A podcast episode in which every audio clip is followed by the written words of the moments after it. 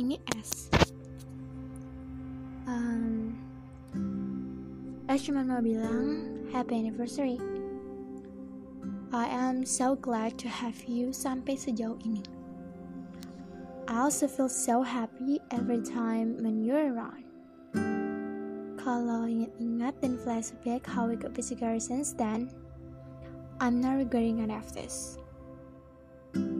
Even the fights. It worth everything. Es mau bilang thank you for everything juga. Terlebih lagi karena udah nerima Es at Melo's points of life sekarang-sekarang ini. Nggak nyangka banget kalau you still stay after what happened dan bahkan help me to get through it. Es juga mau bilang untuk jangan ke mana-mana.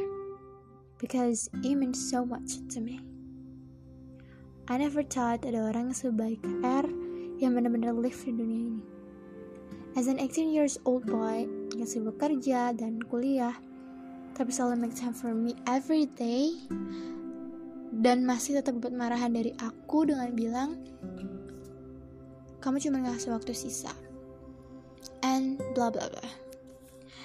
Sejujurnya, you were thousand better girl than me. Tapi aku gak mau. Aku gak rela. I wanna be the best you could have or you possibly have. Or maybe you're one and only. Gak tau mau ngomong apa lagi. Sebenarnya, this present is so random because I'm pretty broke to give you such an expensive gift for you. But aku berharap banget this gift would worth thousand better than any of that for you. Because I made it with love because I love you. I also want to say a little meaning for you to conclude about this gift. I want to be there for you in your darkest moment, in your happiest kind of things in your life, and for everything that you have been through.